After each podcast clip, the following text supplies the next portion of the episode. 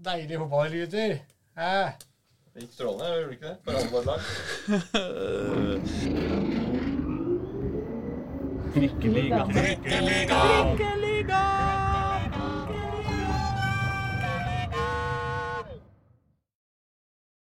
Mine damer og herrer og andre, velkommen til Trikkeligaen, Dagsavisens splitter fine podkast om Oslo-fotball. Splitter fine, splitter fine. Hver eneste onsdag, omtrent, med noen eh, nyanser, eh, eh, gir deg helgas eh, siste nytt, og iblant intervjuer. Jeg skulle pleier å si nå uh, hvilken episodenummer vi, har- vi har, og det er litt komplisert uh, denne gangen. For jeg tror vi ligger rundt episode 15 uh, i sesong 3. Men så er det et lite, et lite sideskjær, og det skal vi komme inn, eh, nøyere inn på, eh, Reidar Solli, skal vi ikke det, da? Det skal vi gjøre. Ja, eh, men vi har også i studio eh, Håkon, eh, vokalist eh, Ton der borte. Det har vi. Starter alltid dagen med en sang. Ja. Det er deilig. Og vi har Pål Karstensen.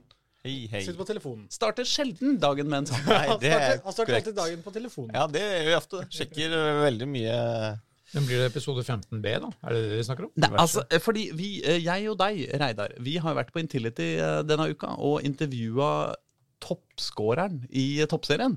Uh, akkurat nå. Toppen det, si. Ikke sant? Hun visste, hun visste det ikke sjøl, da. Men uh, hun, fikk, hun ble orientert av oss om at hun var toppskårer i toppserien. Hun koketterte mye, altså. Eh, Karina Sævik. Uh, later som om hun uh, ikke følger med. Ja. Vi, vi tenker nå vårt. Men vi tenkte at siden det ble et langt og spennende og gøyalt intervju, så, så skulle vi ikke forpeste det med vår uh, helge- og rundeprat. Sånn at vi gir den ut som en liten ekstrautgave på slutten av eh, uka. Men det kan være det blir litt, litt tull med nummerering, episodenummereringa oppi det. Men det håper vi at dere lever med. Tror dere her i studio dere lever med det. Jo, vi du Jeg lever med det. Ja, vi Jeg lever ikke med det. Her må du ha orden i sysakene. Nesten så jeg vurderer å gå i protest. Ja, Nei, men det, det vil jeg jo selvfølgelig støtte deg i. Alle må gå. Eh, noen må gå til enhver tid. Men. Streik går jeg, jeg går, går ut i streik. Ja. la oss bevege oss til eh, noen som ikke er i streik. Jeg vet ikke, NISO ser ikke ut til å være tatt ut i uh, vårets uh, Vårens deiligste Eventyr. deiligste eventyr, nemlig storstreiken. men så, så fortsatt så er det fotball, og det har det vært i helga. En hel masse. Det er så deilig når vi har hel runde. Alt skjer, alt er gøy. Er det ikke det, Håkon? Jo, det er dritdeilig. Når vi slipper å leite etter noe, på en måte. Ja, ja, ja, ja. At bare, vi har, nå har vi egentlig altfor mye. Vi kunne sikkert brukt en halvtime på Lyn-Kjelsås, for eksempel. Men det skal vi ikke. Nei, men vi skal bruke litt tid på det. Jeg skal bruke litt tid. Ja, ja. 29,5 minutter, tenker jeg. Men jeg mener, alle kampene som vi har, eh, alle lagene våre er liksom vært det er liksom, Nå er vi i gang, og på ordentlig. Andre runde, da er det liksom Det er tirsdag, det er arbeidsdag. Nå er vi i gang. Og tredje runde i toppserien, til og med. Ja. Ja, ikke sant. Da er vi i gang. Og da, for å være i gang på riktig sted, så siden vi begynte i toppen eh, forrige, forrige uke, så syns jeg vi skal begynne i bånn i, i dag. Skal vi ikke det? Eh, Hva sier du? Niende divisjon. Niende divisjon, avdeling. F. eh, eh, Alle kampene gikk på Sle- Ekebergsletta. Gutter 12. Tiende divisjon har vi vel også, har vi ikke det? Vi har kanskje fått det. Nei, jeg tror jeg har Oslo. Men eh, av de vi bryr oss om, eh, så er vi, går vi jo helt ned til, uh, ned til tredjedivisjon. Gjør vi ikke det da, Reidar Solli? Jo, jo, det har, jeg har jo fordypet, fordypet meg i materien det siste, siste døgnet. Da kan vi jo gå enda dypere ned, helt til start, med en liten eh, nyhet. Men den er kanskje ny, kjent ute på sosiale medier. Ja.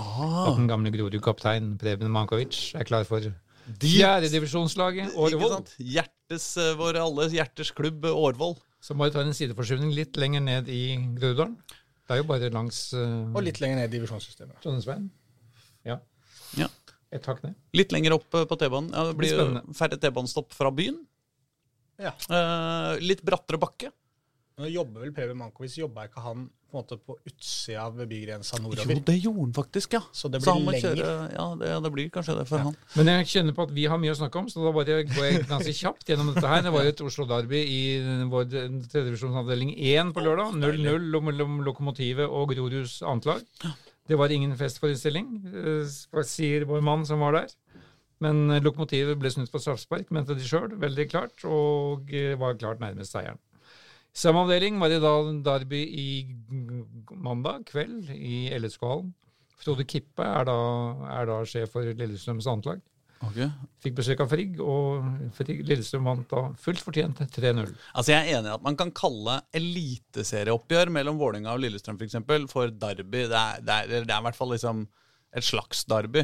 Men i tredjedivisjon det, er jo- det er jo ikke den korteste turen de reiser, akkurat. eh, ut til LSK-hallen. Er det egentlig et derby? Nei, kalte jeg det derby? Gjorde du ikke det? Nei, jeg kalte Lokomotiv Oslo Grorud for derby. Men vi kan spole tilbake eh, hvis noen vil det, og høre hva som ble sagt. Jeg tror, Bare ikke begynne å slåss i studio, gutter. Så er jeg fornøyd. Ja, ok, ta en, ta en liten altså, det er viktig med temperatur i fotballen. Eldrevold er ut, Reidar Solli. Det er bare en feig måte å forsvare seg på, Borgersrud. Ja, Du da tør ikke, du. Bare si det. Ja, ja, greit, greit, greit. Har du sett bicepsen? Nei, Men det var en eh, nedtur av Frigg, da. Vi hadde håpa på Frigg eh, litt i tettkamp. Det kan jo selvfølgelig fortsatt være. Men, eh, men de skapte skuffende lite mot LSK 2. Oh, ja. De skapte lite også. Ja, for det er For jo en gangs skyld. Det er jo Ja. Vanligvis så pleier de å skape hauger av lass og sjanser og De ikke vant skåre. til åpningskampen sin, Frigg, gjorde de ikke det? da? Jo da. Tre, da. Poeng. Ja da, ikke krise er det ikke. Så der er Lysekloster og Stabæk 2 og Skedsmo som topper denne avdelingen her. Som vi ville skulle vært gamle trikkeligaen, men det er det jo på ingen måte lenger. Så jeg håpa ikke på at det skulle være gamle tippeliga. Eh, Den andre, de andre ordslagene er da i avdeling 6, altså Nord-Norge-gruppen, som alle vet. Oppsal gikk da på sitt andre tap. Um, Skjer. hva skjer? Skeids antlag var i Skjervøy og spilte i en, på en liten grønn flate som var omringet av to meter høye brøytekanter. Sånn at uh, denne buan den, De har en sånn lang innkastspesialist for Skeid. Ja. Han sleit med tilløpet. Så de innkastene ble litt kortere enn vanlig, Og Og da røyk- og da røyk mye angrepskraften. Så Prøvde seg ikke på å ta rennafart oppi snøhaugen? Jo, en gang på slutten her så prøvde han å rydde litt plass og tråkke seg en liten sti. Men, øh, men øh, det Det endte da med 3-2-seier. Hva er det man har støtteapparat for, hvis ikke det er å rydde unna litt? Jo, men dette var jo fordel Skjervøy, da. Skjervøy spilte hjemme. Ja, men jeg Ja, ja. mener, altså, De har jo reiser vel med noe ja, sånn, folk ja. fra Er det ikke noe Ja, husk på det neste gang, ta med hjelpetrenere eller noe eller som kan spa litt? De må jo ha Ja, snøskuffer må man jo ha Ja. med, med På seg på sånne turer. Ja. Så da ble det et nytt tap for Skeid, som da i motsetning til i fjor starter med tap etter tap. I fjor starta vi bare med seire fram til sommeren. 3-2. Skeid 2, ja. Daniel ja. Størseth Lunde skårte Skeids begge mål der oppe. Ja. Nordstrand derimot, eh, som spilte uavgjort mot Asker i åpningskampen, de kom da på mm, vinnersporet med 2-0 over Skånland på søndag. Nidal Lolanti og Mohammed Abbas sik sikra skåringene der. Det siste etter et veldig fint forspill av eh, eh, den kjente bror Fredrik Graham Hansen. Som eh, gjør at Nordstrand skal inn i den tetkampen. Ja. Men den store, store de som har starta best i andre divisjon, nei, tredje divisjon av våre venner, er jo da nyopprykkede Koffa. Som vi husker rykka opp på ni minutter på overtid i siste serierunde i fjor. Og slo da nettopp Asker nå 2-1 eh, mandag kveld. Og da har eh, seks poeng på sine to første matcher. Eh, I en morsom kamp hvor Asker tok opp, tok ut, nei, tok, løfta opp keeperen sin opp i angrep i sluttfasen for å utligne. Ja. Og han blei der, selv om de fikk cornere som liksom var avgjort. Så gadd ikke han å løpe tilbake. Nei. Så da skulle KFM angripe mot tomt mål. Ja. Og da ble det tellefeil i offside-problematikken. Så de glemte at keeperen ikke var til stede. Men, det er eh, gøy. Det er gøy. Det er, det er litt av en det, det, det er det vi kaller en vågal finte. Når, når du tenker ja, Du satser på offside eh, der når du setter keeperen i angrep. Men da vi snakka om dette før vi gikk i studio, så, så var vi jo begge enige Reidar, om at dette er jo en måte forståelig, fordi det går liksom på automatikk at okay, det er en forsvarsspiller. Men altså, hvis du går for denne altså Jeg tror det på en måte setter seg etter to angrep. Så tenker jeg, hvis keeperen fortsatt da ikke er oppe, så tror jeg de begynner å skjønne tegninga. ja, men det er ikke så mange sånne angrep man får i løpet av en, eh, en sesong. The element of surprise her fra, fra Asker. Ja. Men, eh, men eh, unnskyld min går fint, uvitenhet, men Koffa 2 kan, kan rykke opp, ikke sant? De kan rykke opp. Ja, det er, Ja greit, eh, det er greit å ha ett lag i uh, Ja, Med mindre Koffa rykker ned, da. Ja, hvis ikke Koffa 1 rykker ned fra Obos-ligaen. ja, ja. Men der er vi vel ikke. Nei, men Det er som Lunder i håndballen. Vi har et lag i an første, og vi har et lag i trea. Nei, ja, det blir ikke sånn. Andre og trea. Greit. Ja, ja, det var et godt forsøk. Jeg, jeg, jeg, jeg ser på deg, Håkon, for du er jo den sangglade her. Ja, ja, men dette har jeg ikke Men du. Litt husker du ikke Lunder-sangen, altså? Nei. Lunder er de beste, det er ikke noe å le av. Vi har et lag i første, og vi har et lag i trea. Det er også Kjersti Grini. Fy faen, har dere glemt det? Eller, jeg tror ikke vi har glemt det, du har aldri hørt det. Nei, jeg er skuffa. Ja, Men gammelt, kanskje. Jeg håper at eh, noen lyttere satte pris på, på den prestasjonen. Ja, men da er vi ferdig med uh, tredjedivisjon. Der stopper da Lørenskog, Skjervøy, Follo og KFM annetlag med sine seks poeng. Ja. Artig. Da kan vi sprette oppover da, en hel divisjon. Da Kan vi gå en hel divisjon opp. Og da var eh, Nei, da, da er jo scenen over til Pål, da, tenker jeg. Lyn Kjelsås. Ja, det er jo da selvfølgelig helgens store høydepunkt. For mange, i hvert fall. Det var jo veldig godt besøkt på Nordre Åsen. Ja, det var jo flere Flere på den kampen enn det var på Skeid-kampen dagen etter. Nå er det servering her, det er derfor det flires Ja, i, i studio. Der eh, går Pepsi Maxen rundt bordet. Hey. Uh, ja, for det er jo ny stadion, nytt tak og ny alt mulig på Nordre Ny, eh, ny tribune med tak over, ny borteseksjon er det. Det er ikke måte på. Det er blitt uh, Det har blitt fint. ordnings både her og der. Det er blitt kjempefint. Det er blitt, altså, det er blitt overraskende mye bedre enn jeg trodde. Jeg tror Lyn-supporterne sto på tribunen der og tenkte det er noe sånt som det her vi skulle hatt. Mm.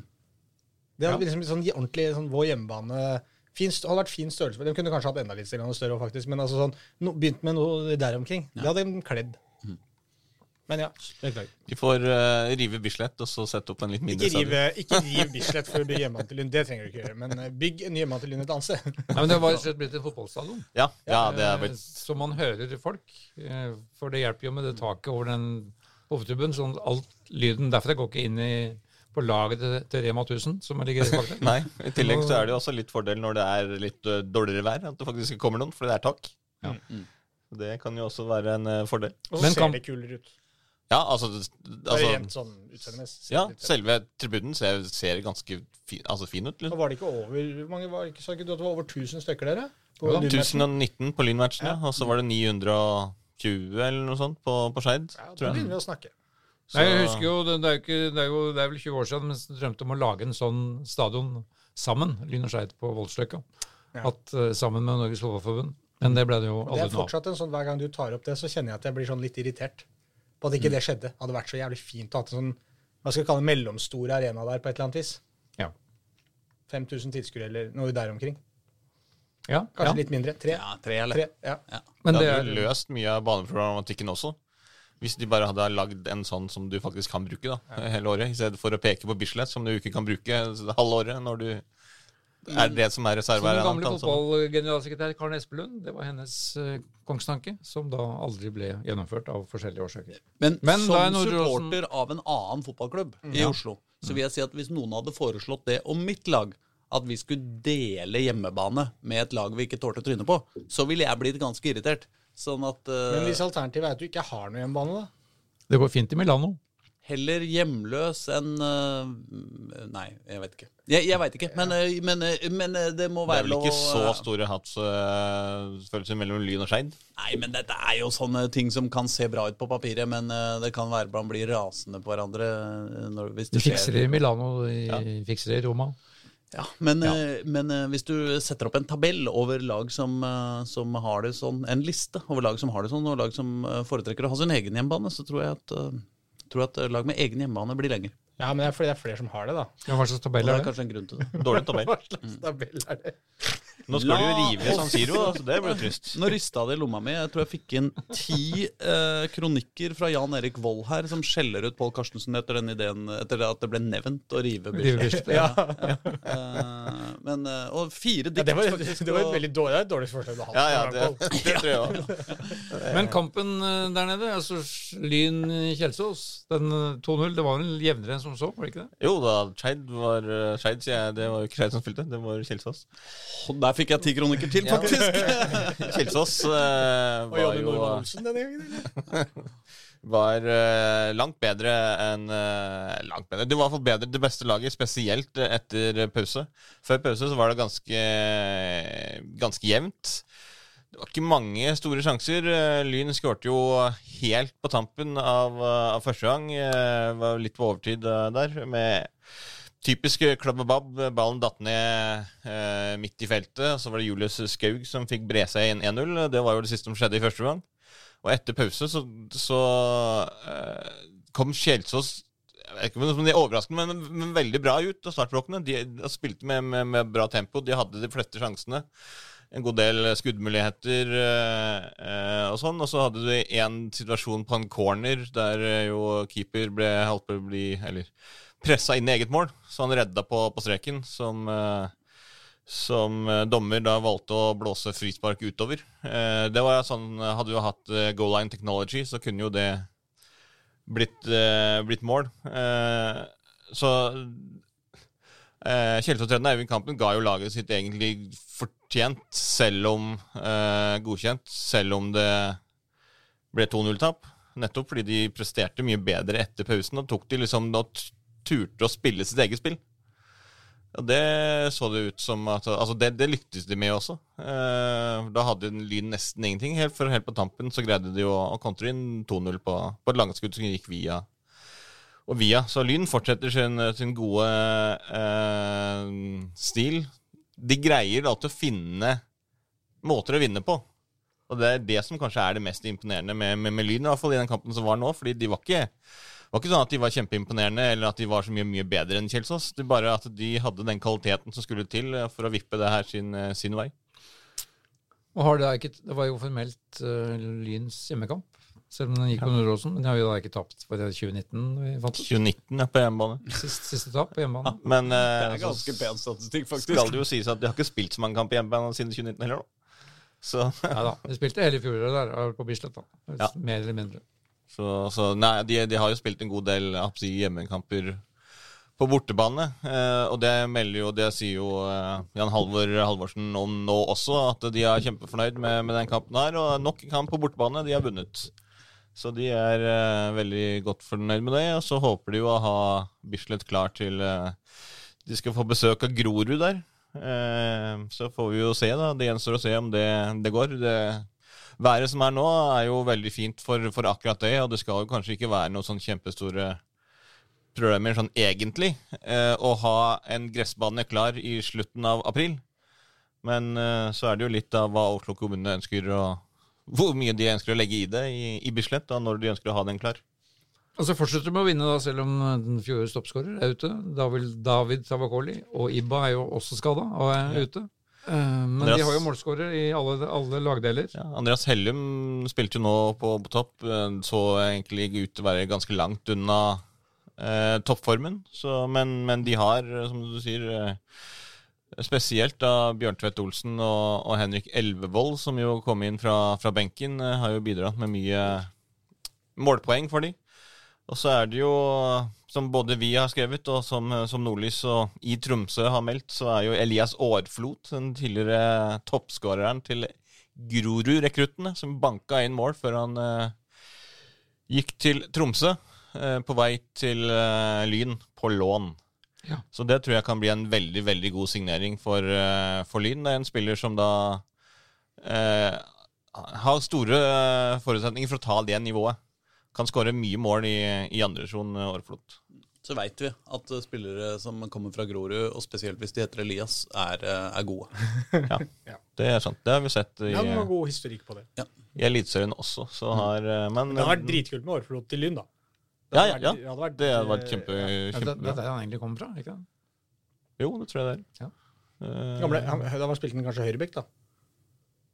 Han var jo tidligere høyrebekk. Ja, i, i Lyn? Ja, det tror jeg, før han kom til Grorud. på en måte. Han ble, Ja. var der han ble spiss. Nettopp. Ja, stemmer. Det, var derfor han ikke, det er derfor han går i offside hele tida, sa Ja. han Andreas Alrik. Han er jo egentlig back, vet du. Han er ikke så god på offside-linja. Ja, ja, det er et godt tegn for eh, Beck-rekka til uh... Kan få studere Erling Braut Haaland. Kunsten kan den ha- aldri å gå i offside. Ja Så nei, det var um, Altså, det, det som var, var at det var liksom en, Du, du merka det liksom når du kom inn dit også, at det var uh, At det var en stor happening i, i Oslo-fotball.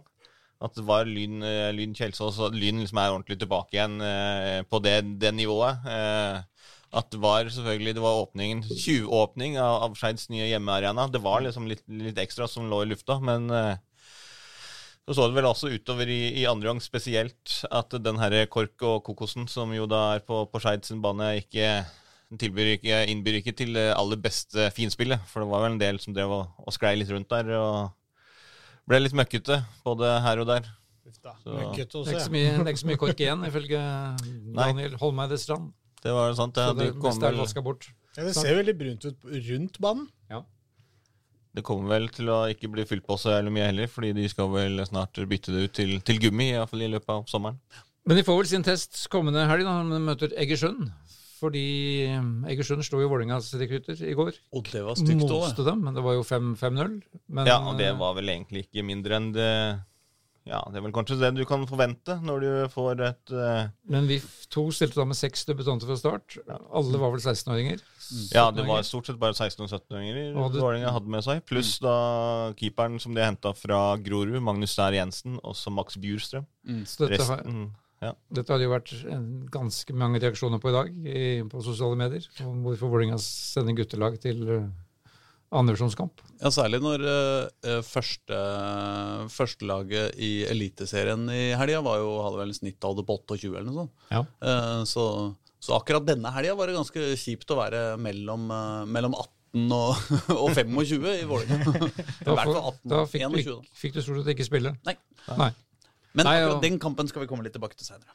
Det er jo Ja, det er jo litt Men det, altså Vi kan si to ting om det. Da, så er det jo eh, Vålerenga har jo hatt en tendens til å gjøre det. De gjorde det akkurat det samme når de møtte Alta borte i fjor, f.eks. Mm. Da spilte de jo med eh, veldig mange unge spillere, og da hadde de jo får de, er det noe, får de kjøpt noe sånn billig eh, sånn ungdomsbilletter? ungdomsbillett. eller, Ja, det var sikkert det. Men da var, så Begrunnelsen i fjor var jo at, at, at Fagermo vil ha flest høyest mulig kvalitet på trening. Mm. Når det er sånne lange, litt kronglete bortereiser, Ja. Så sender de guttelaget. Mm. For å, Da- da for å var holde jo- folk igjen på trening. mot Alta, I Alta-kampen så var vel Morten Gams Pedersen, som jo fortsatt spilte der da, han var vel dobbelt så gamle, gammel som samtlige på Vålerenga-laget. Så det, det sier jo det meste. Men, men det er jo litt sånn eh, Dag Eile Fagermo var jo veldig klar på det når vi snakka om, om det i fjor. At så lenge det liksom ikke er noe i regelverket som hindrer det, så kommer Vålerenga til å gjøre det sånn. Fordi det viktigste for Vålerenga er bare å ha et lag i den divisjonen. eh, og da velger de å gjøre det på den måten, nettopp fordi at de, de kan ha eh, spillere da på, på A-laget som, som trener med de, og så kan de sende liksom de ja, eh, de unggutta opp der. Eh, og så er det jo jævlig mange som klager da, når de da eh, spiller mot Lyn, f.eks. Mm. Som det er mye kortere reisevei, så kommer de til å stille mye sterkere lag. Og det er jo urettferdig tanke på kampen om opprykk mellom, mellom Arendal og Egersund og Lyn, f.eks. Det Som jo er helt riktig. Det er jo kynisk, men eh, så får de jo resultater av det. Vi tapte bare 2-0 mot Sarpsborg i helga. Ja, det, altså, det kunne jo vært verre. Men, eh, men altså, så lenge det er eh, Så lenge det er lov, og så lenge det ikke blir tatt opp av flere på, på fotballtinget, så kommer det bare til å bli værende sånn. Altså, det må jo være opp til alle andre klubber enn toppklubbene å ta opp det her og gjøre noe med det. Fordi for toppklubber så er det jo en åpenbart fordel å ha lag i andre divisjon, der de kan sjalte og valte med litt spillerne som de ønsker. Det er en veldig stor oppside med det. Eh, Men ja, dette, er en gammel diskusjon som Ja. kommer år etter år. Men de får bare samle, samle eksemplene og ta det med seg på fotballtinget. Ja, vi har, eh, vi har tatt denne, denne diskusjonen har vi tatt så mange ganger at den gidder vi ikke ta en gang til i Nei. dag.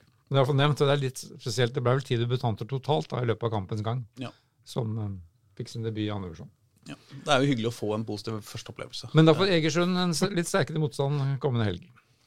det får vi jo tro. Ja, for det var da eh, Lyn. Lyn. Ja. For det kan jo, kan jo vise seg kanskje at Egersund er, eh, framstår som en opprykksfavoritt her. Når, eh, når vi har fått tatt Arendal litt ned. For de, de slo i dag Grorud 2-1 på søndag, var vel det? Ja, ja. De, Hvor da Grorud leda lenge 1-0, før Arendal snudde alt på slutten. ja, de skåret vel to mål på overtid, Grorud. Nei, Grorud, Nei, sier jeg. Arendal. det var ikke på overtid, men det var eh, 90. minutt og 90 pluss 4, var det ikke det det sto? Nei, det er litt forskjellig. Nei, det var, var det nok ikke. Ja, det var Mye før, tror jeg. Men uh, Grorud Nei, Arendal vant iallfall. Jo, Arendal vant 2-1, ja. Sjekk dette. Men Grorud skåra i hvert fall et mål, da. Det var jo viktig for dem, da. Etter at de vel hadde nå fire kamper, hvis du tar med treningskampene òg, hvor de ikke hadde skåra et eneste mål. Ja. så fikk de i hvert fall en scoring, om ikke det ble poeng, da. Så får vi ta små steg. Ja da. Vi ser det lyse. Ja. I, Men husker jeg hvem var som scora? Eh, For Grorud Ja. så var det Fredrik Karlsson Pedersen ja, skårte etter 24 minutter. Ja. Mens eh, Kristoffer Scheng utligna i det 90. minutt for eh, Arendal, som da avgjorde i det 90 pluss 4. minutt med Mathias Johansen. Akkurat som jeg sa. Ja. Da er mine opplysninger eh, korrigert. Eh, Feil, mener jeg. Så det var jo litt som var For jeg fulgte jo litt med den eh, den kampen, nettopp fordi at vi har jo tippa Arendal eh, som liksom det laget som skal, som skal kjempe med da Lyn og Grorud og Kjelsås om å ta det opprykket. Eh, og når de da starta med å bli slått av eh, Kjelsås først, og så eh, lå det jo an til å tape for Grorud eh, i tillegg, så hadde jo ikke det vært en kjempegod start mot de antatte opprykksrivalene sine. Nei, men Det er litt vanskelig å si eh, Det er vanskelig å lese noe ut av de resultatene. Arendal som taper mot Kjelsås og vinner knapt mot Grorud. Sånn, Ja, positivt for Kjelsås, kanskje. Eh, men så ligger Arendal lenge under mot Grorud, men vinner. Så det er sånn det blir jo egentlig veldig neg altså negativt for Grorud igjen, da, selv om de likevel lever en god stund. Det har ikke så mye verdi, og de står med ett poeng etter å ha møtt Ålesund to hjemme i første og Arendal nå i den andre. Så det, liksom, det er Grorud som virkelig kommer ut på eh, litt sånn kjip side her, etter de to første kampene i hvert fall. da. Ja, Grorud ligger jo allerede fem poeng bak Lyn. Ja. Og det ja, sånn det er som som å ligge under tidlig i en fotballkamp. Ja, ja, det er jo Da har du muligheten til å ja, snu det, i hvert fall. Det er lang tid igjen til å snu det på. 24 kamper igjen, eh, så det er kjempelenge igjen av serien. Men, men det er jo altså Du skal tas igjen de pengene på Lyn også. Lyn ser jo Men det er bare vanskelig, å- jeg synes det er vanskelig å vite akkurat hva, hva Grorud Hvor de står, på en måte. Sånn eh, Etter de to kampene, da. Og hva, hvor, hvor sterk er egentlig seieren til Arendal? Er Grorud litt dårligere enn vi tror? på en måte? At en, en knapp seier mot Grorud kanskje egentlig ikke er er eh, Det er jo godt nok, da, for det er jo like mye poeng, men altså at det ikke er kanskje like sterkt som vi tror, da. Det får vi vente og se. Nei, det er ikke, jeg, jeg tror ikke de har imponert særlig. Ifølge NFFs sider så kom skåringene i det 75. og 79. minutt. Men her tror jeg det er noen TV-tider som spiller noen et puss. At eh, klokkene på den der direktesport er litt feil av og til. Jeg ja. håper at eh, vi skal snakke mye om akkurat det så lenge. Skal vi, ta, Når- vi kan ta for oss fra 80. 80. til 85. minutt òg. Hva skjedde da? Altså I og med at åpenbart ingen av dere har sett denne kampen. Vi sitter og diskuterer når det blir mål. Vi har sett måla, vi har sett måla men vi tok ikke tida fra start. Her er det The Clash of the eagles. Så dette her er også, når, når, vi samler, når nerdene samles, så skal man ha fakta riktig. Ja, ja. Ja, ja, ja. Det er, eh, Nei, Og det var du som hadde rett. Reidar. Da må du Ja, si det- det, det sånn som. Pål sa i stad. Pål sa at han hadde rett. Så nå må du si at som jeg sa, så var det kom målene. I, ifølge det, det kongelige norske fotballforbund kom målene da. Men dette stoler jeg ikke på før jeg ser kampen om igjen. Det er. Lise Klavenes som snakker her, Og liksom. tar tida. jeg skal ta tida sjøl fra start. Hvem er din, hvem er din kilde, Pål? Det er eh, TV 2, så er det den her eh, Sofascore-appen. Men jeg foreslår gutter, at vi fire setter oss og ser den kampen i opptak sammen etterpå. jeg. Og så kommer vi tilbake til neste uke. Da lager vi en egen sending på det, da. Ja. Det blir, det blir eh, bare for patrions. eh, si sånn. Vi ser Arendal Arendal Grorud på pod. Live. Kan vi ta kan ha livestream, kan vi ikke det? Har gått livestream. Sånn der, eh, Tror ikke det hjelper. Vi sitter, sitter i sofaen, og så kan alle se på, se på oss se på fotball. Ja, vi må faktisk, eh, det må vi faktisk gjøre en vurdering på hvilken av eh, fotballkampene som har skjedd i Trikkeligaens historie, ville vært best å se live sammen med publikummet vårt. Eh, Ja. Det er jo, Vi har jo hatt mye snakk om åpningskampen mellom Grorud Grorud og Koffa i fjor, f.eks. Kanskje det kunne vært en kandidat. Har du noen cupkamper mellom Skeiv og Ja, Kjelsås som har vært fine. Ja, Den med vært- straffekonken her, den tror jeg har vært strålende. Men det, har jo, det er jo også det var jo, Og så har du min favoritt, da, som jeg kom på nå. Ja. Som jeg jo skal endelig få se igjen. Grorud. Kjelsås-Grorud. Ja. Det er av en eller annen grunn favoritt. Men eh, Bare fordi det var full krig der det ene året. Det, det kommer jeg aldri til å glemme. Sjøl om det er best med internoppgjør, eh, så må jeg også si at eh, Koffa sin tur opp på Nammo Arena i Snøføyka, hvor det ble 5-4, eller hvordan det var, var, var Husker jeg feil? ja. Det gikk vel gærent for Koffa, da? gjorde ikke det? Jo, jo, jo, men, ja. men altså, for et oppgjør, da, gitt. Og målet til, ene målet til Koffa der, det var jo helt ellevilt bra. Det er kanskje tidenes beste KFA-mål. Ja, ja, det- ja, ja, eh, riktig. Ja. Men uh, dette kan vi komme tilbake til, eller ikke. Også i en annen episode. Absolutt. Uh, på, kun på Patrion. Uh, neste Hva er det vi Hvor, har vi, hvor er vi det egentlig kult nå? at du har, vi nå? Vi er- åpner en Patrion-konto hvor vi bare serverer masse visvas og drit, liksom. Vi er i andrevisjon, og da må, vi, da må Håkon nevne det laget vi altfor ofte glemmer. Ullern, som er i den andre avdelinga. Ja. Skal jeg ta en råsjanse, da? Ja. Tipper de tapte, jeg. Ja. Mot Junkeren, kanskje? Så her, her, her, her snakker en som liksom later som han er litt uh, laidback, men som har studert detalj, ikke minst minutt for minutt, hvordan kampen mot Junkeren. Ja, det har jeg ikke, faktisk. Men jeg så at det var Dreni Ademai som scora for Ullern. Og skal jeg gjette nå på tid, for jeg så jo tida sånn i uh, vidvinkelen. 77. Så kan du sjekke det, Pål, om det stemmer. Ja, ja. Jeg ja, Nå må Reidar også sjekke, da, for det finnes jo flere forskjellige Ja, for han bruker den. Og Det tar vi utenom sending. Ja. Nei, sjekk det. ja. Men jeg Junkeren. Junkeren var vel Sju står det på eh, NFF. 77? Junkeren var vel fjorårets Lyn, da. De gikk vel gjennom eh, De rykka vel opp uten, uten tap. Ja, 77. Men um, Ullern sliter, da. Det er konklusjonen vår. Ja. Mm. To tap. Ja, men han må jo få satt seg, han Børven. Treneren. Står den bare Ja, men du må liksom få Ja da. Altså, gi han er- litt tid. 2-1-tap er jo ikke noe, kata altså, det er ikke Nei noe da. katastroferesultat, liksom, sånn sett. Ullern kommer eh, på Han er ikke slekt med han andre Børven som vi skal snakke om om en stund? Jo da. Han er det. Er vi ikke enige om det? Vi- Han var jo her og eh, Husk eh, Altså Vet du hva jeg foreslår neste uke, gutter? Mm. Setter vi oss ned på forhånd, og så avtaler vi litt sånn på forhånd hva vi skal prate om, så vi har liksom faktaene i orden. og Oppfølgingsspørsmål. Ja. Jo da, nei, nye det, tanker. det er noe tremenning eh, der eller noe sånt. Ja, vi tar en sjanse på tremenning. Hvis du spoler tilbake til Lokomotiv Oslo-sendinga fra i eh, forrige sesong, eh, så får du alle detaljene om det indre det, sjelslivet i familien Børven. Ja. så det går bra. Det går fint. Men vi tre, de trenger noen poeng. Det er vi er enige vi, da vi, om. ja, Vi fører bedre. vi. Da kan vi hoppe opp til Da er vi i Obos-ligaen. Da, da begynner det å bli litt mer oversiktlig for oss. Ja. Færre, Familieforholdene. færre, færre lag Eh, å forholde oss til. Ikke minst. Flere flere nøyaktige sånne klokker i grafikken. Ja, Skal vi ta det Ikke på, på Skeid, fordi de hadde jo store problemer med sin uh, klokke.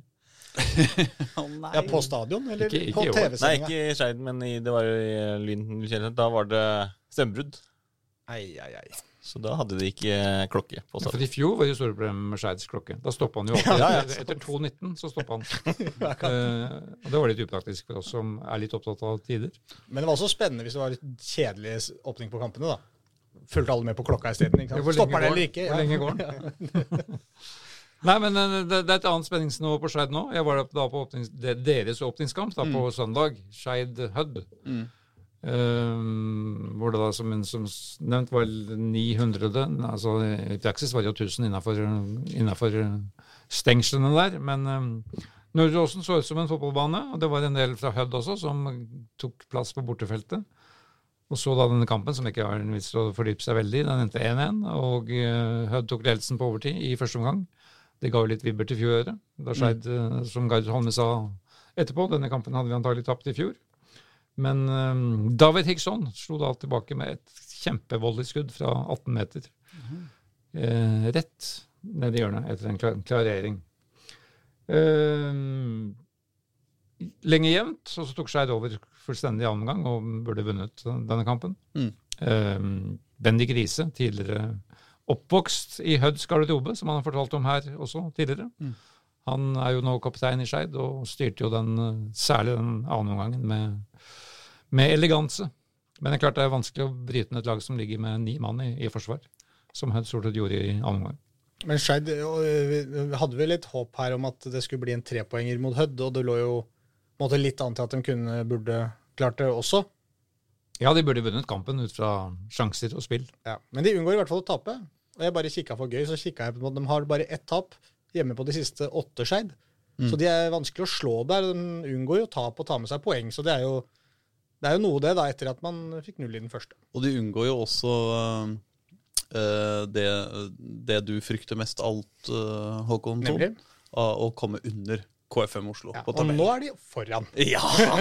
Nå er Skeid foran. Men det, ikke så veldig klar margin. Nei, nei verken klar margin. Det er jo med ett mer skåret plussmål, men- og verken i den, og heller ikke i den rette enden av tabellen. For hvordan gikk det egentlig med KFM Oslo denne dagen? Jo da, men jeg skal bare, nevne, oh, ja, unnskyld, bare ja. avslutte med Skeid. Så var jo det alle snakka om etterpå, der, var jo at de da nå ligger langt foran fjorårsskjema. Hvor første Skeid-poeng kommer etter 17. mai. så så um, her var de veldig fornøyd med dette. en- en- en- Ju- Jubelang, og nå er det, nå er det Men det er klart, nå har de, eh, Du nevnte hjemmestyrken deres, men de er vel tilsvarende dårlige borte. da. Og nå har de jo to bortekamper på rad Ja. mot Jerv og Ranheim. Så det er ikke noe Ja. Det, det, blir ikke, Det blir ikke lett. det blir ikke lett, nei.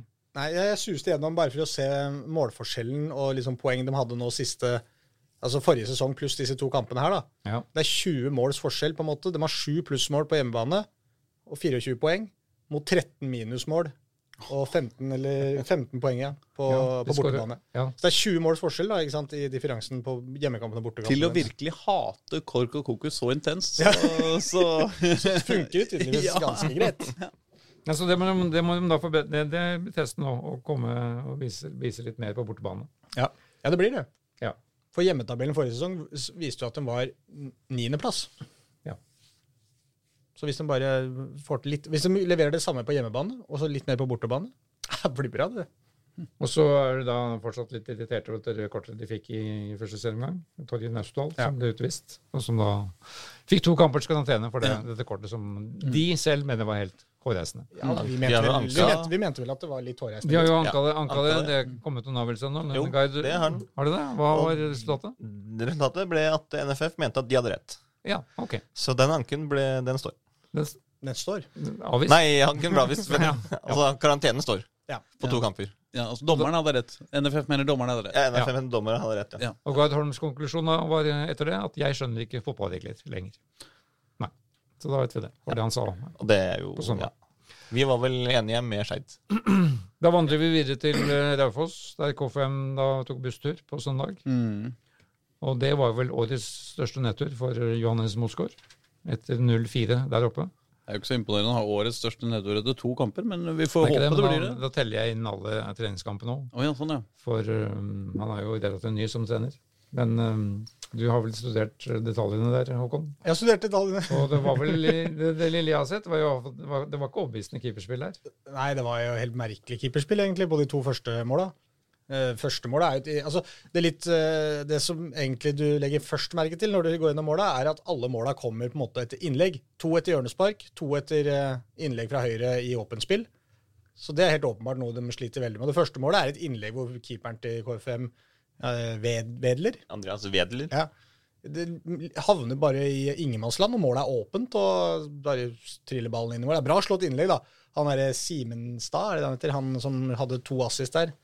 Han, han har flotte innlegg, men det er liksom Det er dårlig. Og det andre er et eh, heading på et hjørnespark. Der kan du jo først og fremst legge merke til at det ikke er en eneste markering, selvfølgelig. Altså, det er jo det er ikke bare keeperen sin feil, dette her. fordi på disse innleggene og hjørnesparkene var også et frispark de var veldig nære på, og som de svingte inn, som holdt på å bli, bli eh, scoring.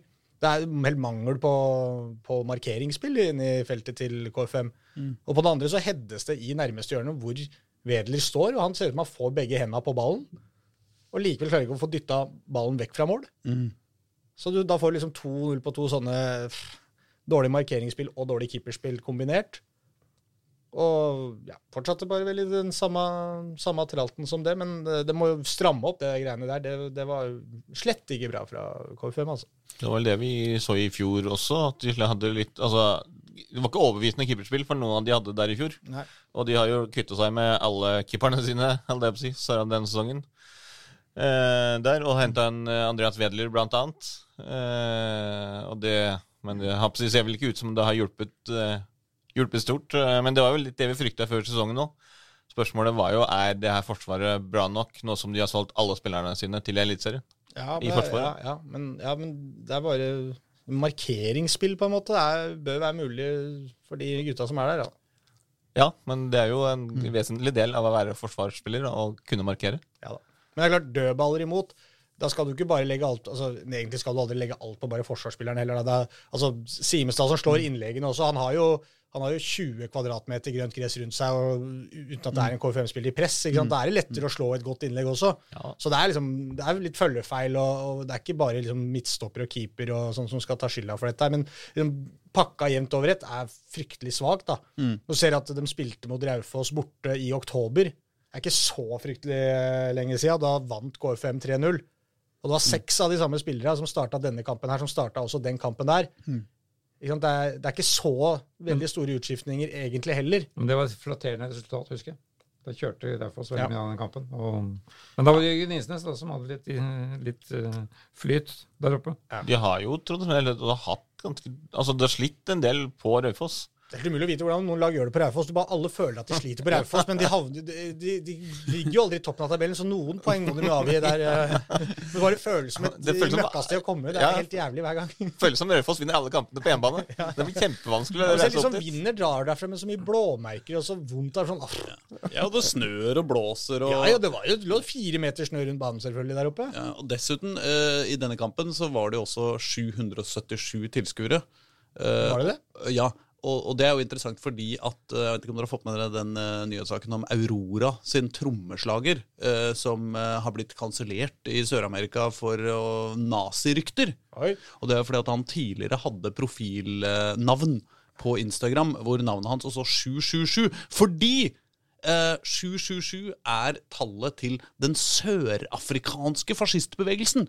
Fordi istedenfor å ha hakekors, så la de tre sjutall i på en måte en ring på samme måte. Ja, så. Eh, Så var det dems variant av hakekors, og dermed, så for oss numerologientusiaster, så er 777 et sikkert tegn på nazisme. Ja. Så KFM tapte mot eh, nazistene fra Toten. Har det noen koblinger til at det er, at det er Nammo stadion? Og Ikke sant, voldsnazistene? Tung- Nei, altså, unnskyld. Vi er kanskje litt ute på viddene nå? Ja, vi, Vi er koselige på Raufoss. ja, det er koselig på Raufoss. Vi bare tuller med dere, vi Raufoss. Vi Ja Vi bare tuller med at dere er nazisme. ja, uff a meg. Men for å vende tilbake til dette kjære Det var vel spillet, da, så kan jeg jo bekrefte at Johannes Moskva er helt enig i din analyse. da, For han Ja. sier jo at sa jo til oss etter denne kampen Det var fryktelig håndtering av eget boksspill, både på corneret og innlegg i bot. Det ble jo farlig hver gang vi ikke hadde ballen, sa Ja. Moskva. Og det er jo slitsomt hvis det blir farlig hver gang vi ikke har ballen. Ja. Da må du ha ballen mye. Ja, Da må du ha veldig høy eh, possession. Så han, øh, han snakka visst høyt i pausen her, skjønte jeg. Mm. Og de har da, de har da Ranheim på Ekeberg på søndag. Men det er eh, bare for å skyte det, det er, det er verdt å nevne, eh, for jeg- når jeg kikka gjennom disse to startoppstillingene, så er jo på en måte, som jeg sa, seks av spillerne er de samme, men tre av de endringene er jo i Forsvaret. Det er Hammer, Christensen Dahl og Aron Kiel Olsen. Mm. Det er tre av de fem da, Mm. som ikke var med nå, og det alle var en del av forsvarsrekka der. Ja. Og keeperen var jo også en annen. Ja, ja, ikke sant. Prøver å snappe, Pål. Nei, så Dere har da som sagt Ranheim på søndag på Ekeberg, hvor de kommer med sin flunkende nysignering. Morten Gamst Pedersen. Ja. Altså Ranheim kommer med Ja, ja, sin ja, flunkende nye. ja. Ja. ja. Er. Martin Gans Pedersen kanskje ikke er flunkende ny lenger. Han er ikke så flunkende ny. Nei, Gjenforent med sin gamle trener i Åsane, Kåre Ingebrigtsen. da, Men da hvis han jo blåser støv av alle den venstrefoten der, og nye innlegg Det kommer bli mange innlegg. Og så blir det jo mye sånne uh, frisørfotograf uh, fra, fra Grønland som eh, kommer opp der nå for å få oppdatert Renati eh, er Renati voksen, vet du. Den må? Oppdatere, oppdatere reklamebildene sine. Ja.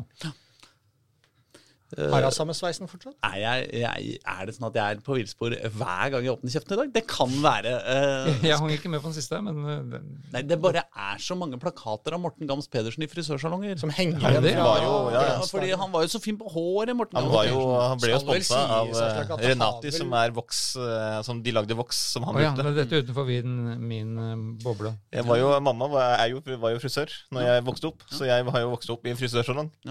Og der var det mye bilder av Morten Gams Pedersen på de Ikke sant, ikke sant? Renati, eh, jeg føler, jeg føler at det, Litt av poenget er at de hang veldig lenge, men jeg tror de fleste er begynt å forsvinne. Ja, altså, det er jo en stund siden. Det er liksom bare blått og gult igjen i de bildene. ja, ja, ja. Eh, samme det. Samme det. La oss passere videre. Men da har de også De, de, de ligger da på ett poeng i Ja. K5 og Skeid. Ja, altså KFM har målforskjellen 1-5, og Skeid eh, har jo da slått til og tatt ledelsen med målforskjellen 2-5. Nemlig. Eh, men det er jo altså på de tre siste plassene så er eh, to av laga Oslo-lag. Det er jo ikke et veldig eh, Dette er jo Det er ikke en veldig god start, men man skal ikke se på tabellen etter bare noen par runder. Nei da. Æsj. Lenge jeg igjen. Skeid er foran K5. Ja, det er lenge igjen, Håkon.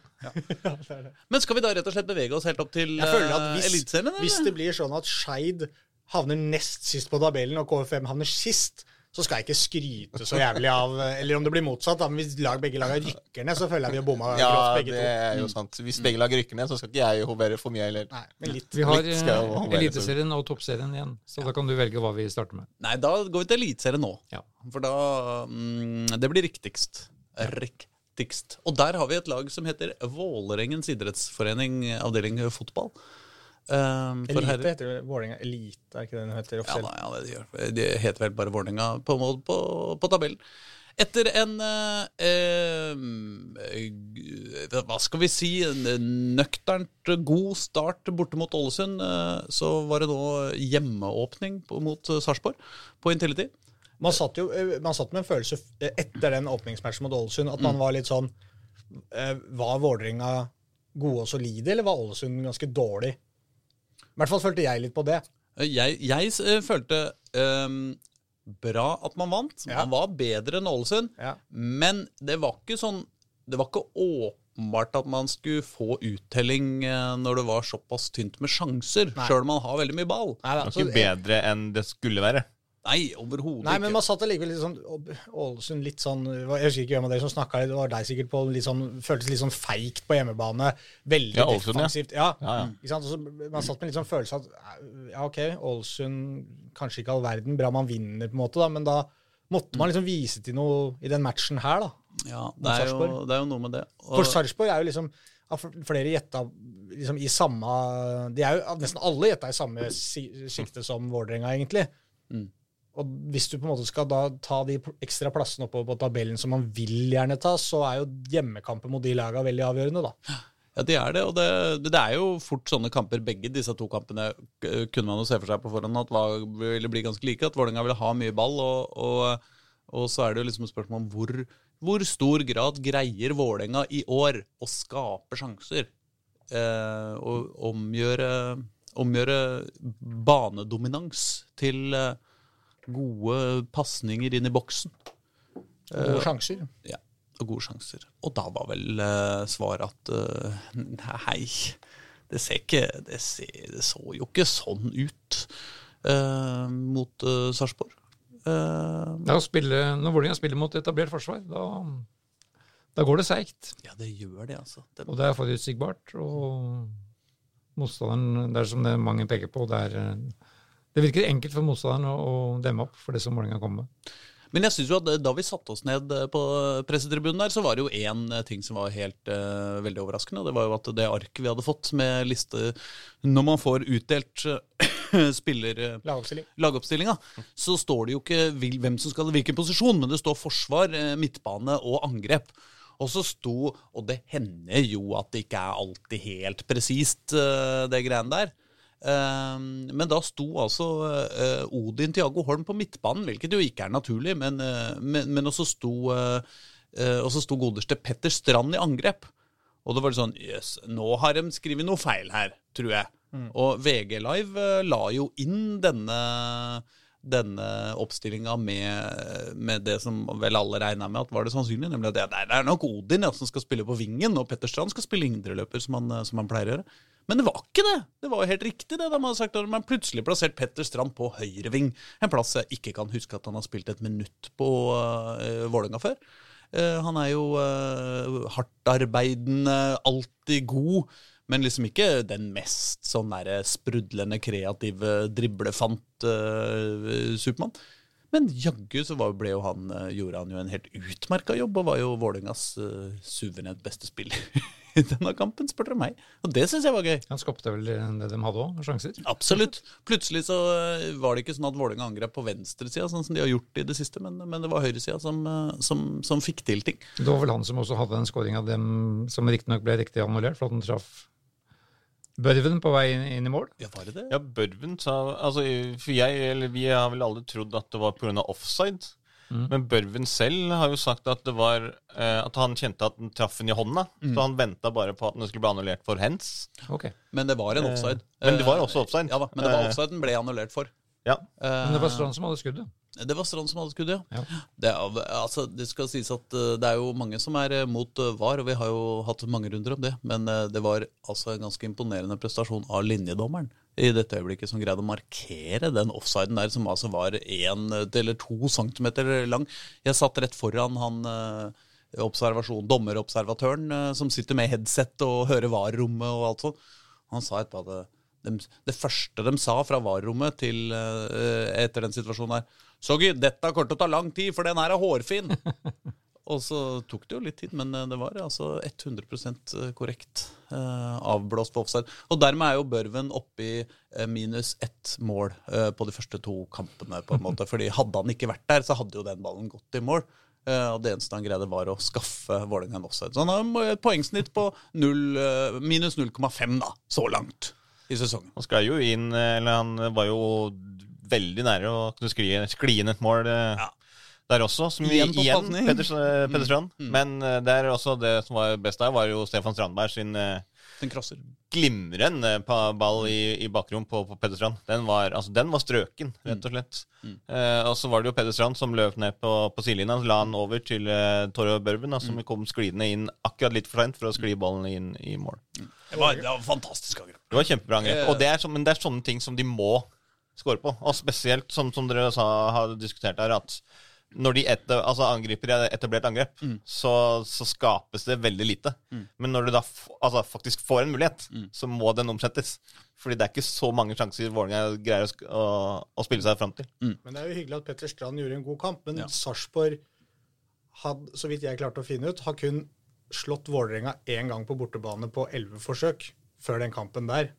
Det er et lag Vålerenga vanligvis har hatt ganske bra kontroll på. Men det, når det stemmer, det, den statistikken din nå? Jeg tror det.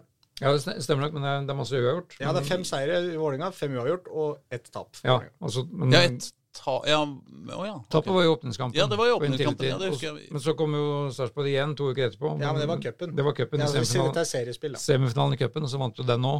3-0, tror jeg. Ja. Ja. Så det, er derfor liksom Sarpsborg sitter igjen som den store festbremsen på Intility. Ja, ja, ja. Det sitter lenge. Det er som Nammo, Nammo stadion. En dårlig opplevelse, så er det møkkaste resten av livet. ja, ja. Men det Men som poenget mitt her er Ja. at eh, ja, fin pasning av Strandberg og bra innlegg av Strand og Mm. på mål, men 2-0 mot hjemme mot Sarpsborg er jo for dårlig, da. Ja, Altfor dårlig. Ja, ja. Det, Det Så hva skal de finne på? Så skal det jo sies at det, det, altså, det er jo et resultat av at Vålerenga ikke skårer. Altså, 2-0-målet kommer jo i det 80. minutt, eh, tror jeg, og som et resultat av en tabbe eh, når Vålerenga på en måte er i ferd med å kaste alt som er av, eh, av eh, reimer og tøy opp i angrep. Eh, Men liksom eh, eh, det store, store problemet her er jo offensivt, og ikke defensivt, ville jeg sagt. da. Ja da. Det... og, og Selv om de vel på en måte gi jo bort ja, altså, mål litt to- lett også, da. på en måte. Ja, ja, om ikke- altså, 2-0-målet- de, gjør på en måte Ja, 2-0-målet spesielt. Ja, Så er det- 2-0-målet er jo det. Det er jo bare Strandberg som spiller ballen rett på hodet til han Sarpsborg-spilleren. Som da legger den i bakgrunnen over Strandberg, og der er det et kjemperom. Sant? men det er jo riktig at det er ikke, det er ikke sånn at man sitter igjen og føler at Vålerenga har et kjempestort defensivt problem. Altså En feil kan oppstå på en måte. Vålerenga kunne ha leda kampen før det at man hadde fått med seg noe uansett om man hadde gjort én grov feil. Så ja, og store problemer er jo offensivt. Og hva i all verden skal de finne på for, å, for at ikke motstanderne skal kjede seg når de sitter den siste uka og skal jobbe med hvordan man skal slå Vålerenga? Nei, men Vi er jo vant til å snakke om at uh, Fagermo bare har en plan A, på en måte, og uh, spiller sånn som han spiller uansett. Men det er klart at uh, på oppstillinga er det jo veldig mye sjonglering, og på ingen måte en satt angrepstrio Uh, som er bestemt. Ikke engang en satt angrepsfemmer, på en måte. Nei, men Det føles bare ut som at uansett hvem de setter der, Mm. så blir resultatet det samme. Ja det, ja, det blir jo litt varianter, da, men ja, det, Forskjellen nå var jo som du sier at nå, nå, nå kommer jo iallfall de fleste angrep på høyresida mot mm. venstresida, som den vanligvis har kommet fra. Ja. Men eh, jeg snakka jo med Petter Strand etterpå, og, og han, han har jo spilt på alle posisjoner, bortsett fra keeper, eh, i sin karriere. Mm. I, I Vålerenga har han vel eh, ikke spilt spiss? Nei, ikke stopper heller, tror jeg, altså. Jo, han har jo han har gjerne vært tredje stopper da, av og til når han, ja, ligger dypt på midtbanen. Ja, da, det sant. Men eh, Så han definerer seg inntil han, kan spille alt. og jeg sjekket, han, han, Da han var i Brann og Molde, så har han, han har faktisk 16 mål i Eliteserien Mm. eh, for de to klubbene. Mm. 80 i hver. Og jeg spurte om Nav var klar for spiss. Altså, det er jo siste alternativet jeg kan bruke i, i Vålerenga. da. Ja, han har spilt spiss før. Ja, Han har jo, har jo vært på trening trent med Erling Braut Haaland i var vel to år, vel, i Molde. ja, ikke sant? Så han, eh, hvis han har snappa opp noe, så kan kanskje han er løsningen. Ja, hvis han bare var litt dårligere enn Braut, så bør jo han, ha det. han tvilte på at han fikk spørsmål, men hvis han fikk beskjed om å spille spiss, så var han klar. Det verste er at det er ikke så dårlig det. Nei, men jeg, Jeg har ikke noe oppskrift, men, Men det er jeg det- tror er at vi sånn- skal øh, Er det sånn at kanskje, kanskje Fagermo skal bare bruke dine fa- favorittteknologi fra ishockeyen? Få ballene på mål! Trafikk? Ja, trafikk på mål, og ballene på mål. Ja, Ja, Så hopper vi på tilfeldigheter. ja, Så setter vi børven foran og håper på styring. Styring. Ja.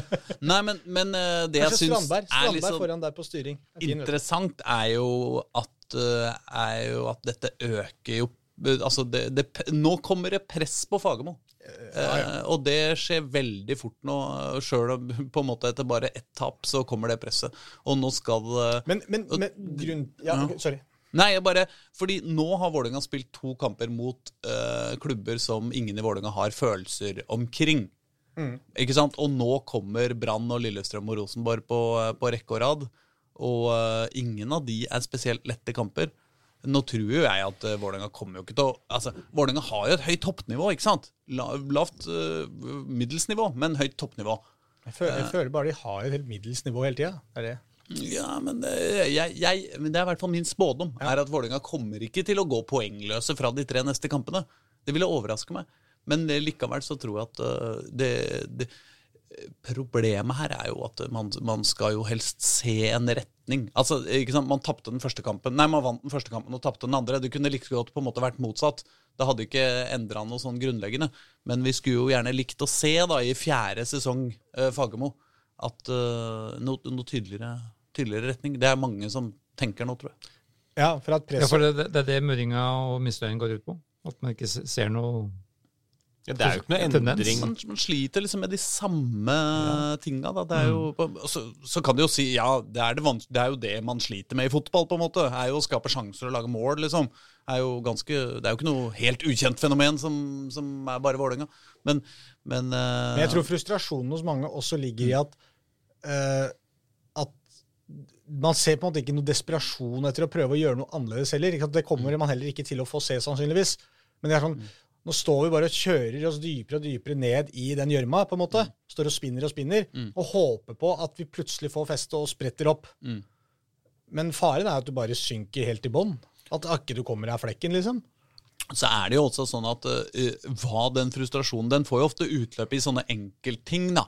Ikke sant? Sånn som man blir ikke sant? Det er veldig mange som vil ha ut børven, da. Ikke sant? Det var ha ut Siddi Jatta istedenfor børven. Og på en måte, jeg vil jo Jeg, vil sy, jeg syns jo Siddi har sett mer spennende ut preseason enn børven har, har, har sett ut. men men jeg ser jo ikke treningene, og, og, og sånn er på en måte Ja ja, sånn er livet. Men veldig ofte så får jo frustrasjonen utløp i sånne enkeltvurderinger, da. Ikke sant? Og at man blir kjempesint på enkeltspillere som man syns ikke leverer. Og, og, og sånn. Men det er jo ikke sånn at man har noen løsning eller noen plan. Men, men, Men det- eh, det- igjen det, det holder ikke Det er liksom en manglende, manglende utvikling. Det- Det føles som at det, det er det jeg mener. Uansett hva du gjør, du tar ut en, setter inn en. Mm. Resultatet er det samme. Altså Plutselig så vinner man en kamp, da.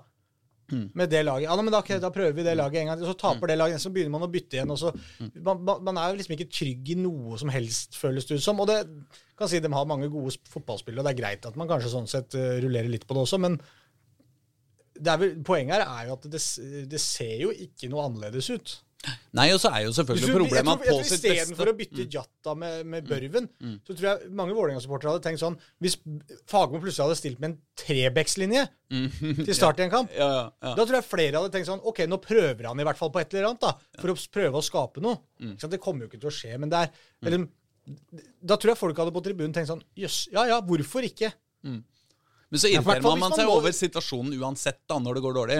Altså I fjor så irriterte man seg jo både over uh, Syns man jo at eh, både Aron Dønnum og Osame Sarawi eh, var håpløse, på en måte. Det, det var jo mange som, syns, som var veldig opp, snakka mye om det, liksom.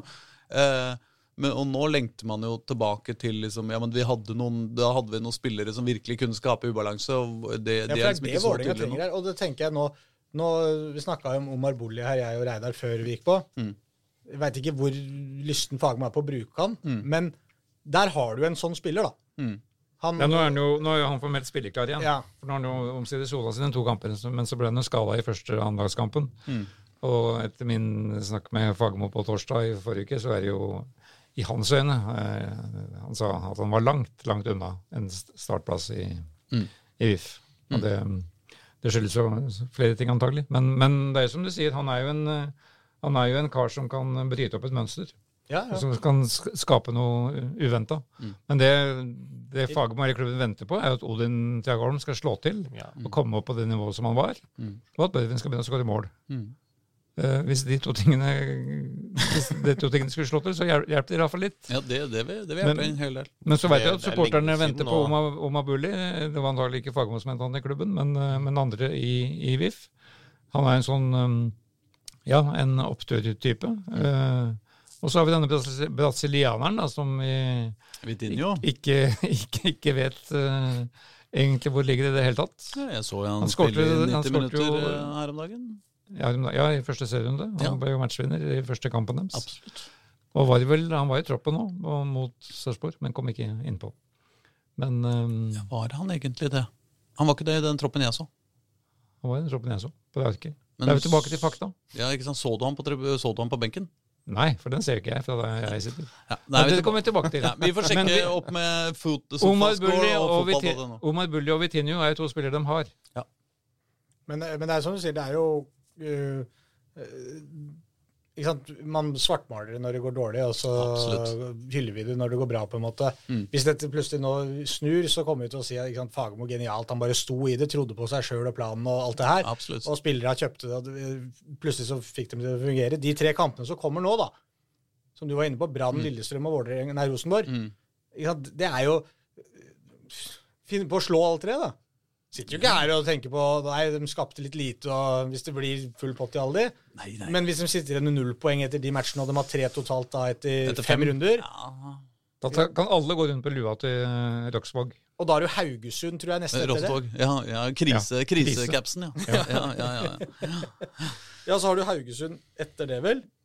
Som er sånn eh, da, da, da er det jo ingen bønn, på en måte. Hvis man ikke sitter igjen med nok da. Jo, men ikke sant, hvis du, hvis du drar, så skal du bort, Det er bortebane med Haugesund også.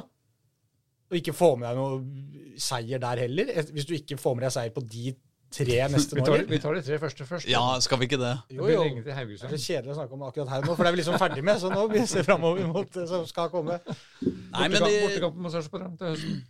Ja, den kan bli helt avgjørende. den kan, den kan det. Men vi, men vi må innom også det som da ble den store snakkisen utad etter denne matchen, da, merkelig nok. Med Strandberg. Stefan Strandbergs uttalelser til TV 2, Ja. som var jo da i praksis det samme han sa til oss i februar. Mm.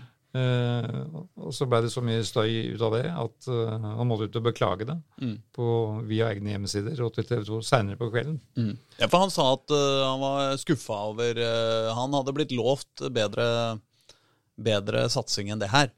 Var vel noe Ja. sånt noe han sa, var det ikke det? Jeg, nå husker jeg Jo, med, med forbehold om at jeg ikke husker det ordrett. At det var ikke helt den sats Jeg tror det var en sats bare til Ja, Det går jo på en tydelig kritikk mot satsinga i Vålerenga, da, om den Mm. skal være en utviklingsklubb eller en uh, toppklubb. Mm. Men, uh, men um, det er litt pussig å komme med det Ja, det er liksom det. Altså, om igjen. Uh, jeg kan jo skjønne det på en måte at han tar det opp Iallfall litt i sesongoppkjøringen og liksom. Men hvis vi skal begynne å ta det opp hver gang du blir intervjua Det var jo det samme altså Han sa jo mye av det samme også til oss det var vel var det etter Jerv-kampen at det var ungt og det var mye der. og sånn. Også, det var jo den siste, siste oppkjøringskampen. Så da har han jo i hvert fall sagt det tre ganger allerede. denne sesongen her, Og hvis han skal si det hver eneste gang det går litt dårlig med Vålerenga, så, så blir det en fryktelig lang sesong hvis kapteinen din skal gå ut og klage på alt og alle i, eh, innad i egen klubb ut til media etter hver kamp. Men han har nå beklaga det, da. Det er jo Ja på en måte Men, men det jeg syns er at uh, det kan jo være at øh, vi, vi veit jo ikke helt hva som foregår i alle, alle korridorer. og Det kan jo være at det er mange, som, øh, mange, i, mange av spillerne som har lyst til å øh, få ut dette. Og at øh, Strandberg blir mannen som får det ut. Men det er klart, det framstår for meg helt pussig. Altså, det var jo en kjempegammel lineup. Det er jo den eldste lagoppstillinga jeg kan huske på, på lenge. på var den eh, nest eldste av alle lagene som var i aksjon. ikke sant? Det var veldig høy snittalder. Det er egentlig bare Sjøeng og Odin som var unge spillere Ja. fra, fra start. Og, og da er klart, da er det jo en, det er jo en, en rutin, et rutinert lag. Um, og da Men det, jeg tror ikke det bare går på rutinene, på en måte. Det er ikke det at han savner flere gamle gutter å spille med. Nei. Han hadde jo ikke brydd seg døyten hvis det var en haug med unggutter som spilte briljant. Det er jo det at det, Han mener jo at Vålerenga ikke har skri, eh, skrapa sammen et godt nok mannskap, uavhengig av alder, egentlig. Det å liksom stå og skylde på at, er, at vi har et ungt lag og sånn, det liksom det er noe man sier. De er veldig gode til å selge at man hele tida har en ung de har et ungt lag, og da egentlig sier man en ung tropp, for det er mange unge spillere i denne troppen. Men poenget er jo at han han vil jo spille på et lag som slår Sarpsborg på hjemmebane, og som er på en måte et helt annen, helt, annen diskusjon i Eliteserien enn det Vålerenga stort sett er nå, da. Mm. Det er vanskelig å ikke ha litt forståelse for det. Ja, ja, selvfølgelig, fordi han har jo da sannsynligvis Altså, om han går ut og beklager dette her, jeg vet ikke, det har kanskje en liten verdi, jeg vet ikke sånn utad, men jeg vet ikke hvor mange som kjøper den beklagelsen heller, liksom. Når han, som Pål sier, han har vært ute og sagt det tre ganger. Så er det liksom Jeg beklager når du For jeg, det han egentlig beklager, er jo at det blei mye støy. Ja. Det er Ja, det men han syns er kjedelig. Han beklager vinklinga til TV 2, Ja da. og det, da begynner det å bli vanskelig. Jo, ja, men det kan jo være altså, jeg mener, vi, vi, mener, vi har jo alle sagt uh, Vi sitter jo her og skravler dritt en time. Vet du hvor dumt jeg har sagt i løpet av en time der, eller? Ja, ja. Eh, kalt, uh, kalt Raufoss nazister, nesten. altså, ikke sant? Vi kan jo beklage det her og nå. Ja, det vil jeg beklage. Eh, og Jeg jeg, beklager alt jeg har sagt. ja, Og så skjønner jeg om den, den beklagelsen høres litt hul ut. Eh, jeg kunne jo bare droppa å si det. Ja, det er helt sant, men eh, du vet, noen ganger så lar Men hvis du kaller munnen dem for nazister i tre episoder på rad, så er det liksom, blir beklagelsen etter hvert litt dum, da. Jeg, eh, jeg eh, syns eh, vi skal ta den, for, ta, ta den beklagelsen også. Ja. Vi skal ta både kritikken og beklagelsen innover oss. Men, men på poenget der er jo litt som flere har påpekt, at han sier litt mer enn han på en måte sier også når han sier det. da. Mm. At det er litt sånn, det er, ikke noe, det er jo ikke noe sunnhetstegn, på en måte. da. Så vet vi jo heller ikke hva han har blitt lovt, da. Da han Du ble kan jo skjønne hva han har blitt lovt. Han er Ja, jo en merittert an- spiller. og han, Ja har, De har jo sannsynligvis sagt at vi skal Alle sier jo det. Vålerenga har jo sagt det i, i 40 år, har de ikke det? At vi, skal, vi hører jo hjemme i toppen av tabellen. Hvor Et lag fra hovedstaden bør ligge i toppen av tabellen. Og alle i Trondheim og Bergen og alle fotballeksperter sier jo det hele tiden, uten å komme med noen konkret plan på hvordan Vålerenga skal bli det, men alle sier Vålerenga bør være i toppen. Og det sier jo Vålerenga selv hele tida. Ja, vi bør være i toppen. Innen, innen tre år, innen fem år, innen ti år, innen ett år, et halvt år. Nå skjer det, nå skjer det kanskje om ett ikke sant? Men det skjer jo liksom Det står jo bare og stamper og går. Og når Strandberg da kommer, så sier de ja, nå, ikke sant, hvis vi får på plass deg du er den Jeg tipper det er noe sånt som har blitt sagt. Ja, ja du er brikken vi trenger. Bygge deg, du skal være eh, bautaen bak der, kapteinen. Og når du er der, så vil det være attraktivt for andre å komme, for da skjønner de at vi er i gang med å bygge noe. Og så kommer ikke så veldig mye mer, annet enn på en måte det, det han ser, da, når vi ser på en måte Omar Bulli komme fra Grorud. Vi tenker hei, fett, liksom, dritkult, dette blir morsomt. Strandberg ser en ung pjokk fra Groruddalen som kommer og skal spille der, øh, og prøve å vinne noe for han sammen med han øh, de siste åra han har igjen av karrieren, og tenker dette, dette er jo ikke Han har jo ingenting å vise til. Fuck this shit. Ja, på en måte. Jeg tror det bare er det. Og det er ikke bare bare det. Ja, det var mye, Nei, han var jo- langt inn i hjernen til Stefan Strandberg her. Jeg beklager det. Han var jo på Stefan. årsmøtet da, til Vålerenga. Eh, Var Stefan? Stefan Strandberg satt der bak bakerst i salen og hørte på beskrivelsen av 42 millioner i minus, og, og hvorfor. Jeg tror, på, jeg tror på han jeg, når han sier at han eh, elsker denne klubben. Ja, det tror jeg. Jo, Han, men det, det er eh, jo derfor han, gjør, det er derfor han er forbanna. Ja. Det er derfor, han vil jo så veldig gjerne at Vålerenga skal lykkes. Mm. Jeg husker jo da han kom. Altså, han, Det er kanskje han, derfor han beklager òg, fordi det skaper støy rundt en klubb han er han var jo 18 år da han kom her eh, første gang. Mm. Og da, da var jo Vålerenga eh, et lag med bare stjerner. Altså Mm. Det var Steffen Iversen, det var Tore André Flo, det var eh, Magne Hoseth. Det var, det var navn, da. Så han følte seg som en liten pjokk, liten pjokk i den garderoben. Mm. Så det er, det er kanskje noe sånt han drømmer seg tilbake til. da. Ikke sant? Og da var de jo gode. Men eh, vi får nå se etter de neste tre. da. Kanskje vi kan Eller minnes fire, da. tilbake Haugesund i. Ja, ja, man kan glemme Haugesund-kampen, selvfølgelig. Kanskje, kanskje vi kommer til å Kanskje alt kommer ja, til å være snudd på huet. jeg hadde da besøk av det svenske fotballmagasinet Offside, hvis det er noen som kjenner det. Det er vel litt sånn tilsvarende Sveriges svar på Josimar, tror jeg. Et sånn månedsmagasin. Mm. Så de har da fokus på hvorfor Oslo er et av de svakeste lagene i Europa. Altså, svakeste byene i Europa. Mm. Hovedstadene. Hovedstedene. Hovedstedene. Ja. Mm. Som ikke har toppfotball. Mm. Som, med topplag som vinner. Mm. Så det har de fokus på. De var her da i forrige uke og snakka lenge med Joakim Jønsson. Mm. Og Fagermo. Og meg, selvfølgelig. Og kommer tilbake til eh, kampen mot Lillestrøm. Ah. 1. mai. Det, det gleder vi oss til å lese. fullføre reportasjen. Ja, bra. Og de fikk mail fra dem nå. De konsulterer med interessen diskusjonen da i Norge rundt VIF igjen etter tapet for Sarpsborg. Så fokus er der. I Sverige. Skal vi da hoppe videre til eh, Da vi kommet til, eh, til den siste ligaen vi skal gjennom i dag? Hvis det er greit? Det er greit. Ja, Toppserien. Og der er i hvert fall alt på skinner for For Vålerenga og Røa. Er ikke Røa Vant ikke Røa? Nei da. Nei, ok, da bare for De Vålerenga. tapte bare 0-1 for Rosenborg. Så eh, Røa har et høy, høyere nivå. um, mye, mye høyere nivå i år enn i fjor. 2-2 mot Vålerenga og 0-1 mot Rosenborg. Det tror, jeg, det tror jeg du hadde fått ganske god odds på. på eh, 3-3 mot Vålerenga. Oddsbomben, de Det gamle ble vel jeg vet gjerne ikke om det 3-3. fikk- eh, Ja, det ble vel 3-3. ja, ja, ikke sant? Ja, men jeg mente før det ble de to siste måla. Ja, ja. Eh, Så, Ja, var det så var det jo 2-2. Ja. Eh, nei, men uh, la oss gå La oss rase gjennom dem. Eh, Reidar, det er du som har oversikten, er det ikke det? Jeg er i ferd med å skaffe meg det. Ja, bra. Jo, nei, jeg var jo da på, på De starta jo mot um, Mot Er du på Vålinga nå, eller er du på Mikkel, Røa? Ja. Ja, vi, vi, starter med Vålinga. vi. Ja, vi, mot det. Avaldsnes. Vi hadde. Avaldsnes på, på lørdag, ja. Ja og. Ylin Tennebø fikk da sine Fikk to mål. eh, Skårte to mål før det var ti, gått ti minutter. Altså, Ylin Tennebø er så kul fotballspiller. Ja. Herre min hatt. Hver gang jeg ser henne spille, så blir jeg glad. Og uh, når jeg ser henne skåre to ganger eh, på ti minutter, da blir jeg kjempeglad. Det har jeg aldri sett før. Nei, det er jo ikke så rart, for du har vel aldri skåra for Vålerenga heller? Nei da. Hun har ett et mål fra før, et mål før, ja. i, i fjor. Men uh, dette er ikke dagligdags. Og første, andre målet kom jo på en heading. Men jeg syns det første var best. Mm. Ja. Morsomst. Det lange løpet hun tar fra, helt fra sidelinja Mm. og inn i 16-meteren. Kommer i posisjon og får en perfekt pasning fra vår nye venninne Karina Sævik. Mm. Og setter den jo helt meget behersket i, i, i bortre hjørne. Ja. Um, og så da 2-0 rett etterpå. Men dette er jo gammelt nytt. Ja da. Eh, Etter det så vi sett. rant det jo inn. Ja, og da skårte jo Karina Sævik kanskje det flotteste målet, hvor hun behersket eh, på hel volley setter ballen opp i, opp i vinkelen. Mm.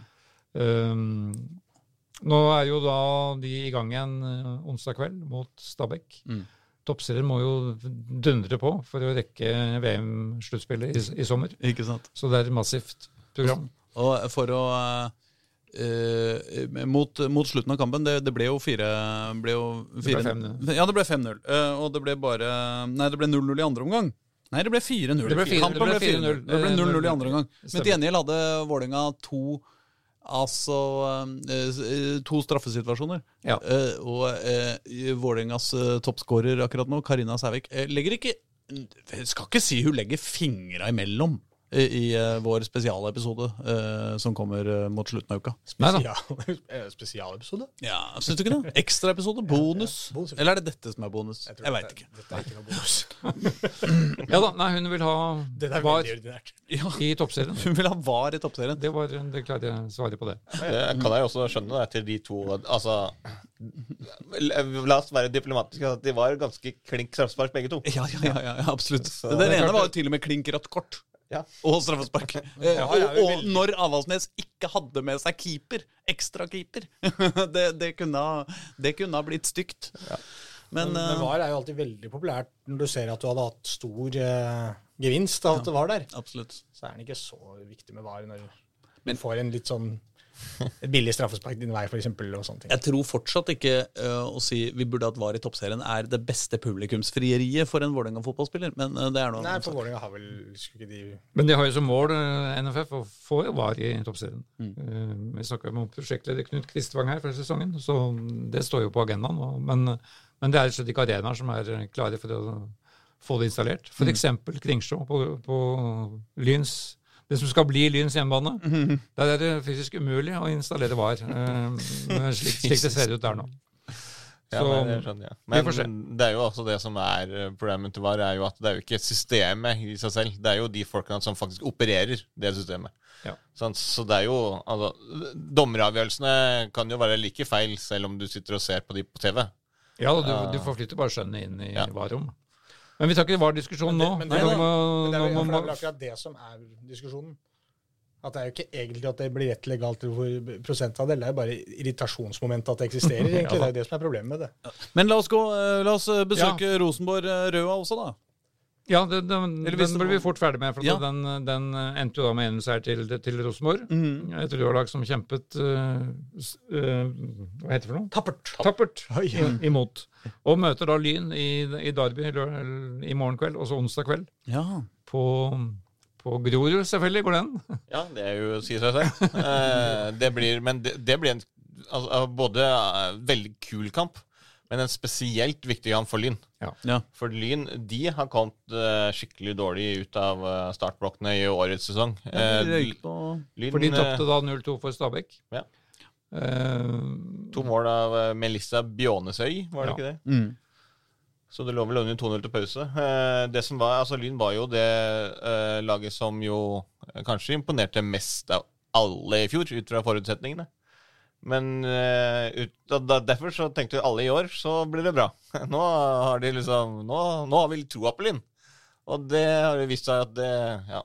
Men altså, de har jo nok spilt Har nok eh, levert bedre prestasjoner enn resultatene ja, de har jo møtt uh, sånn Den kampen, serieåpningen, var vel det mot Brann, Ja. Så spilte de jo De leverte jo en god, uh, god kamp, selv om de tapte der. Altså det som kanskje har vært ja, da, ja, Det siste nå, da, tapte mot Stabæk. Ikke alle ver verden, det heller. Men, men ja, tapet for Avaldsnes borte, uh, for eksempel, er jo heller ikke bra. Men der skapte det jo Det skapte jo nok til å vinne den kampen. Ja da. Uten at det hjelper så veldig mye hvis du går på tap for Avaldsnes og, og Stabæk. Den dårligste prestasjonen var ifølge dem selv den mot Stabæk nå. Ja. Altså 0-2. Det var, det var første kampen hvor de følte at her fortjente vi, her fortjente vi å tape. eh, Slik vi gjorde. Så, så det, det er som du sier, det blir, en, eh, det blir et lite værskjelle nå mot Røa. Hvis taper de den nå, så er det en liten Da går Rostovågs eh, caps eh, også til vestkanten. Ja. Um, må trykke opp flere av den Rostovåg. For eh, det er, eh, de er inne i en dårlig stim, og, og kampene kommer tett. Det er, det er mange poeng som skal fordeles i disse ukene som pågår nå. Mm.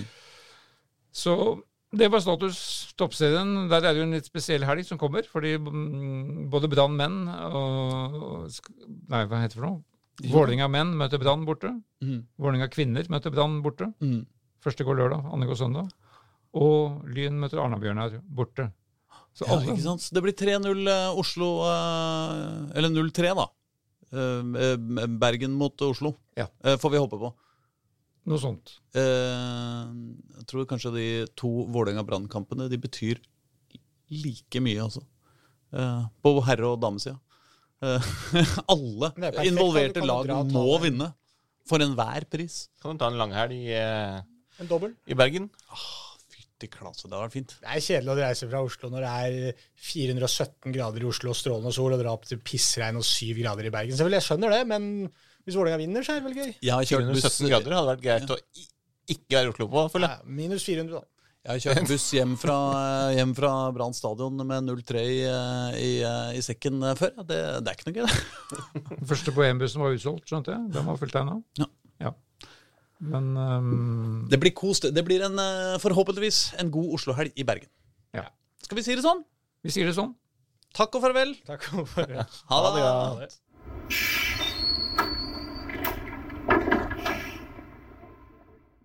Du har hørt en podkast fra Dagsavisen. Ansvarlig redaktør heter Andreas Heen Haaland Karlsen.